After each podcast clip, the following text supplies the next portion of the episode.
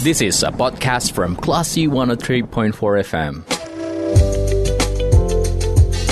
Sumbar melawan Corona, persembahan Classy FM.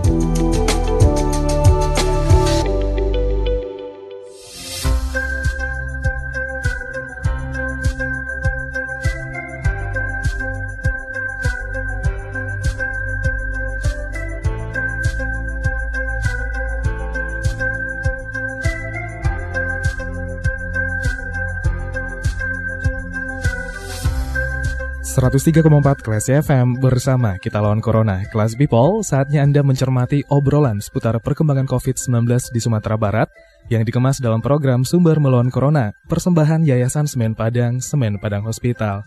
Dan kali ini di Sumber Melawan Corona kita sudah tersambung via line telepon ada Direktur Utama Semen Padang Hospital, Dr. Selvi Farisa, yang akan berbicara seputar persiapan Semen Padang Hospital dalam menghadapi varian baru COVID-19 yaitu varian Omicron. Langsung kita sapa, Assalamualaikum, selamat sore dokter. Waalaikumsalam, selamat sore. Gimana kabarnya dokter hari ini? Alhamdulillah sehat. Alhamdulillah sehat. Dokter, nah beberapa ya. waktu yang lalu kan varian Omicron sudah masuk ke Indonesia ya? Dan ya. tentunya ini juga menjadi perhatian lebih karena nggak mau dong kalau misalnya uh, warga Sumatera Barat khususnya uh, terpapar virus uh, COVID-19 yeah, varian Omicron. Nah, untuk pas pasien COVID di Semen Padang Hospital sendiri itu gimana dokter? Masih ada yang dirawat atau sudah nggak ada lagi?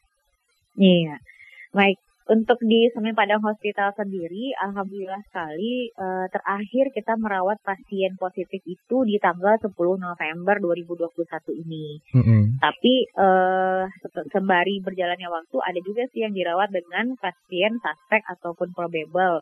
Itu juga terakhir di tanggal 18 Desember. Dan artinya dari tanggal 10 November sampai dengan uh, ini hari ini tuh nggak ada nggak ada lagi nih pasien COVID yang kita rawat di Semen Padang Hospital. Oke, okay, berarti emang sudah nggak ada lagi ya dokternya pasien COVID. Dan untuk iya, uh, pasien atau mungkin ratusan orang yang sudah terpapar varian baru Omicron di Indonesia untuk persiapan dari Semen Padang Hospital sendiri menyikapi uh, ancaman ini gimana dokter? Iya, iya, iya. Ya, seperti yang kita sudah ketahui dan dengar di berita ya, saya juga update informasi itu per tanggal 10 Januari kemarin hmm. itu kasus aktif kita ada di 6.108 pasien. Hmm. Di mana di Indonesia ini 416 dari yang tadi itu adalah uh, varian Omicron. Artinya hmm. udah terdapat nih transmisi lokal yang ada di Indonesia. Nah, yang kita khawatirkan karena kita tidak ada pembatasan perjalanan, pastinya akan ada e, migrasi ya, migrasi virus yang dibawa oleh orang yang melakukan transportasi tersebut. Nah, kita kan siap-siap juga nih bagaimana hmm, Sumatera Barat menghadapinya. Nah, karena SPH adalah salah satu tempat untuk e, apa perawatan penanggulangan COVID ini, kita juga antisipasi dari sekarang. Nah, saat ini meskipun tidak ada pasien yang dirawat atau nol ya dari bulan November, tapi kita tetap menyiapkan ruangan standby. Saat ini ada 17 tempat tidur yang kita siapkan uh, standby jika kasus itu masuk ke Sumatera Barat. Kalaupun nanti outbreak, kita bisa uh, kembangkan lagi seperti yang dulu kita sampai maksimal di 95 tempat tidur kita siapkan. Baik dokter, berarti 95 saat ini sudah uh, 17. Di, 17 ya ancang-ancangnya untuk uh, ketersediaan uh, pasien varian Omikron ya gitu dokter ya? Iya. Oke, okay. dari segi tenaga medis gimana dokter? Apakah sudah dikasih semacam persiapan in case kalau misalnya sewaktu-waktu sumber uh, kedapatan pasien Omikron? Iya, iya. Uh, untuk uh, kesiapan pelayanan untuk tenaga sisi tenaga medis untuk uh, dokter ya itu kita uh, semua dokter yang melayani itu adalah dokter SPH. Alhamdulillah dia masih standby dan saat ini juga dengan pelayanan yang non COVID-nya. Mm -hmm. Nah untuk perawat juga demikian uh, perawat uh, yang sebelumnya jadi ditempatkan di COVID saat ini kita distribusikan ke unit layanan yang lain dan jika nanti ada kasus kita bisa mengalokasikan lagi uh, perawat-perawat yang tersebar tadi untuk fokus ke tempat COVID lagi. Dan jika ada nanti outbreak uh, yang mengharuskan kita harus punya bayang seraga, nanti kita sembari perjalannya waktu nanti kita akan lakukan penambahan. Oke dokter, untuk stok APD kira-kira uh, estimasinya cukupkah dokter untuk menyikapi ancaman varian Omicron? Iya, untuk persiapan awal uh, kita masih punya stok APD yang dari uh, second wave yang kemarin. Hmm. Untuk hazmat sendiri kita masih punya di stok kita di 1.500 pieces.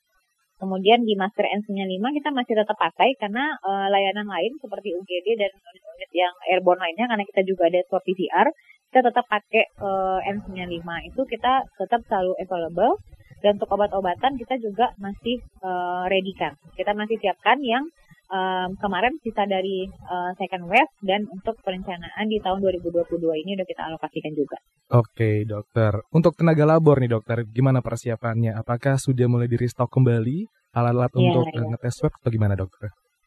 Ya, kalau untuk tenaga labor yang untuk uh, dokter dan uh, analis yang melakukan swab, swab itu karena kita tetap memberikan pelayanan uh, PCR, Nah, itu kita tetap ada orangnya, ada timnya. Artinya tidak ada perubahan apa pun nih kalau dari sisi uh, tenaga labor ya. Karena PCR yang mandiri pun kita tetap jalan. Artinya kalau nanti ada case untuk penelusuran kasus tracing, itu kita tetap pakai tim yang sekarang. Dan insya Allah itu kapasitasnya masih mumpuni. Oke dokter, kalau boleh tahu nih dokter, ketika varian Omicron masuk ke Indonesia, pasien 01 diungkap di media ya tentang hmm. varian Omicron ini, bagaimana uh, respon uh, semua tenaga medis dan juga pihak-pihak yang bekerja di Padang Hospital. Panikah atau mulai berusaha untuk uh, diri agar nantinya kalau misal disumbar jangan terlalu panik atau gimana di dokter? Iya. Nah, untuk uh, kesiapan itu sendiri kita memang uh, untuk uh, standar pelayanan kita tidak merubah sedikit pun untuk kesiapan pelayanan. Artinya kalau misalnya dilihat di bagian UGD kami, hmm. nah itu kita tetap kalau misalnya pasien yang ada gejala gejala-gejala ke arah sana kita tetap lakukan screening berikut dengan penggunaan APD yang uh, sesuai dengan tempatnya, bukan yang COVID-nya ya, yang non COVID-nya itu tetap kita gunakan APD sesuai dengan standarnya. Hmm. Nah, untuk me mengetahui berita kemarin itu kita memang sih oh kita sadar bahwa COVID belum selesai loh, kita masih ada mutasi kemarin kita bisa take a break ya bahwa oh, nggak oh, ada kasus nih, tapi di akhir Desember kemarin ada kasus Omikron. Sebenarnya kita udah, udah siap-siap pasti kan. Biasanya nih, karena kita nggak yang lalu-lalu, kalau di Jakarta udah outbreak, pasti akan menyebar ke kita-kita. Nah itu hmm. kita emang udah ready nih, jadi uh, manfaatkan waktu sekarang untuk istirahat, siapkan lagi stamina, sehingga ketika uh, gelombang tersebut datang, kita udah ready. Oke, wah keren sekali.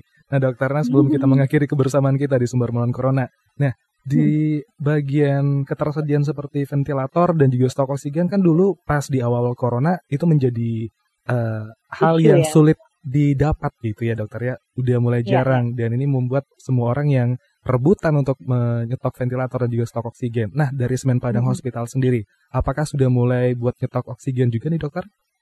Iya, Nah, kalau untuk ventilator sendiri, alhamdulillah kita uh, untuk unitnya kita banyak ya. Bahkan kita kemarin sempat memberikan uh, bantuan peminjaman ventilator PM Jamil. Nah, kalau untuk oksigen sendiri, belajar dari case yang dulu, kita emang langsung bereaksi cepat bahwa kita melakukan uh, penjajakan dengan beberapa vendor untuk supply uh, oksigen ke SPH. Kemudian yang kedua, karena kita menggunakan oksigen sentral, kita gunakan backupnya adalah oksigen tabung. Nah, itu kita sudah banyak standby di sini. Kemudian yang ketiga uh, adalah uh, oksigen konsentrator. Nah itu kita juga punya 10 unit. Artinya hmm, oksigen uh, insya Allah untuk uh, supply oksigen yang dibutuhkan oleh masyarakat itu kita bisa gunakan tiga metode ini. Oke dokter. Nah dokter sebelum uh, kita akhiri nih dokter, boleh dong semacam closing statement untuk masyarakat dan juga classy people uh, mengenai varian Omicron biar nggak terlalu panik di dokter. Uh, gimana uh, advice yang bisa dokter kasih kepada classy people? Silakan dokter. Ya, uh, menurut saya uh, para masyarakat sudah sangat sadar bagaimana kita menghindari COVID. Nah, saya mau reminding lagi bahwa uh, sumber masuknya COVID itu adalah dari mata, hidung, dan mulut. Karena itu adalah mukosa tubuh kita. Yang suka jahil itu adalah tangan, jadi uh, seringlah cuci tangan. Kemudian uh, untuk uh, sumber masuk tadi adalah uh, gunakan masker. Kemudian uh, untuk menghindari potensi kita mendapatkannya, kita harus menghindari kerumunan. Kemudian menjaga jarak itu wajib. Kemudian uh, tetaplah istiqomah bahwa uh, COVID ini belum belum berakhir. Jadi tetap lakukan protokol kesehatan yang tadi. Insya Allah dengan kita menjaga diri kita, kita juga uh, menjaga masyarakat yang lainnya. Dan yang terakhir yang paling santer adalah hoax. Jangan percaya hoax, tolong tanyakan kepada uh, expertnya atau ahlinya terkait COVID ini dan uh, tetap positive vibe, positive thinking. Itu dia, wah keren sekali, bener banget ya berita palsu emang harus dihindarkan ya dokter ya. Iya, karena Omikron sendiri kadang belum datang, tapi kita karena hoaxnya udah panik sendiri atau udah negatif thinking sendiri nih sama hal-hal yang beredar. Iya, apalagi gitu. yang di grup WhatsApp keluarga ya dokter ya. Iya. Oke okay, dokter. Ya. Iya banyak di grup-grup tuh yang kayak berita itu nggak bisa dipertanggungjawabkan. Semoga kelas people bisa uh, mencermati nasihat dari dokter Selfie ini. Baik dokter, uh, terima kasih waktu ini. Ya. Oke okay, dokter. Sama-sama. Uh, jaga kesehatan terus dan selamat bertugas kembali. Sampai jumpa. Ya. Assalamualaikum. Waalaikumsalam. Baik kelas people, demikian sumber melawan corona persembahan Yayasan Semen Padang, Semen Padang Hospital. Kita ke program selanjutnya. Terima kasih. Anda sudah mencermati program Sumber Melawan Corona. Cermati podcast obrolan ini di www.classfm.co.id atau download aplikasi Class FM.